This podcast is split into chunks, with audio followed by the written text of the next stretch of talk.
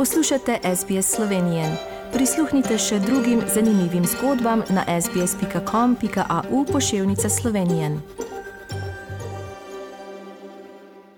Nadaljujemo z današnjo slovensko oddajo na SBS Slovenijo širom Avstralije in po svetu v soboto 4. marca 2023.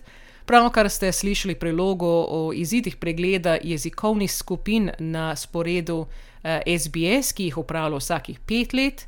In za več o tem in odločitvi o naši slovenski oddaji bo da, sedaj spregovoril direktor jezikovnih skupin na SBS-u. Today we welcome SBS Director of Audio Language Content, David Hua, for the first time on SBS Slovenian. Good afternoon, David, and uh, thank you for joining us. Zdravo, Tanya, and thank you very much for having me. Uh, on Wednesday, there were two changes in audio and language content. One being uh, the SBS radio was rebranded to SBS Audio, and the language services review, of course. And the listeners just heard a bit more of a feature with information about the outcome of the language services review and the key changes to the language services, including those that affect uh, SBS Slovenian. Tell us a little bit more about how the decision uh, to decommission SBS Slovenian came about. Sure. Look, firstly, it's very challenging time for many people when um, SBS makes a decision to cease a service. It's never easy, but it does reflect our responsibility under SBS's charter to continually evolve our offering to best meet the needs of contemporary Australia. Uh, we go through a process called the Language Services Review in line with um, the Australian Census, which is run every five years.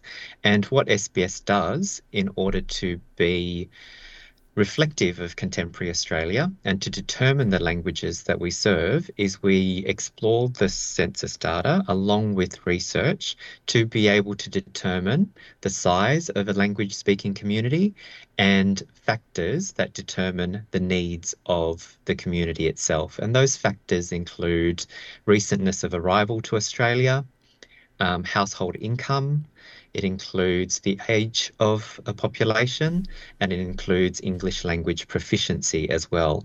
And we use these measures in order to shape the need index of the communities that we seek to serve. And from that, we um, determine a language list. And look, unfortunately, as part of that language services review, a number of languages, six languages that we currently serve, and three that are in recess, including Slovenian that we currently serve, is not seeking to is not to be recommissioned. Um, and looks, this isn't a reflection on the great work that SBS Slovenian producers and indeed yourself have done um, and continue to do, it really is just a reflection on the changing needs of the Australian community. And while some languages are ceasing, we are seeking to commission some new languages as well as those communities emerge or grow and have needs to understand the Australia around them. So, what does this mean, I guess, for the Slovenian speaking community that are listening now, particularly those I guess, that have been listening since the start of 2EA and 3EA for almost 48 years. How would they access, let's say, important information and the news in a, in a direct manner like, like radio? Well, the world in terms of um, the listening and media experience has changed so much since 1975 when 2EA and 3EA started broadcasting. Um, my own background is as a Vietnamese refugee, uh, first generation, and my experience of SBS radio is that you know the household would stop in the afternoon. My parents would be in the middle of playing with me, my brother, and my sister, but the whole household would stop. They'd put us aside and they would turn on the radio and they would listen to SBS radio uh, for that essential information about what's going on in Vietnam, as well as what's going on here in Australia, and to feel really, really connected to the community. And that continues in the case of, you know, my father too. It, it keeps him company. Um, and I certainly appreciate the role that audio and radio and particularly SBS's language services plays in that um, in the lives of, of so many people. But the situation with the languages that we are seeking to decommission is that in the say in the case of Slovenian speakers, there has been a drop in speakers, um, a decrease of about 16% since the last census in 2016, and there are about three and a half thousand Slovenian speakers right now. English language proficiency is high, it's at 94% within the community, and it's a well established community with um, 12% arriving in Australia in less than the last in the last 10 years. Um, it is also an older community, um, with 51% of the community being over 65 years. So I suppose the story here as well, in terms of how the listening can continue is that when I was younger and my parents were listening to SBS, there is now such a plethora of choice around consumption, choices around where to listen to content, um, be it online, be it through YouTube, be it through streaming services, including those in language from community um, radio or from overseas that might play some of this role.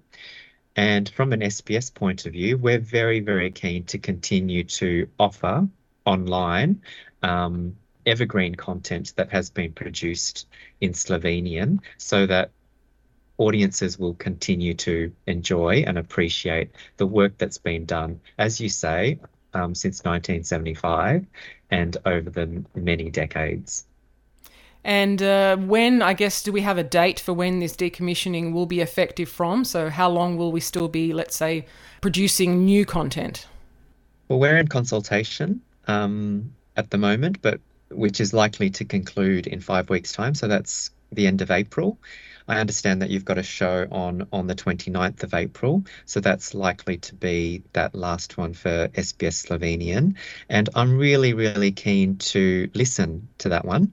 I don't speak Slovenian, of course, but I might say that in terms of my job as Director of Audio and Language Content, responsible for the output in over 60 languages, I liken my air checking, which is a, a, radio term, of course, which is about, you know, getting in the car or pretending to, to, to just be at home and putting yourself in the mindset of your audience to really understand how the listening experience is is being enjoyed or otherwise is that it's always a delight to listen to SBS Slovenian um, the professionalism that goes into the delivery, the different voices that actually comes into it, the community voices that are included.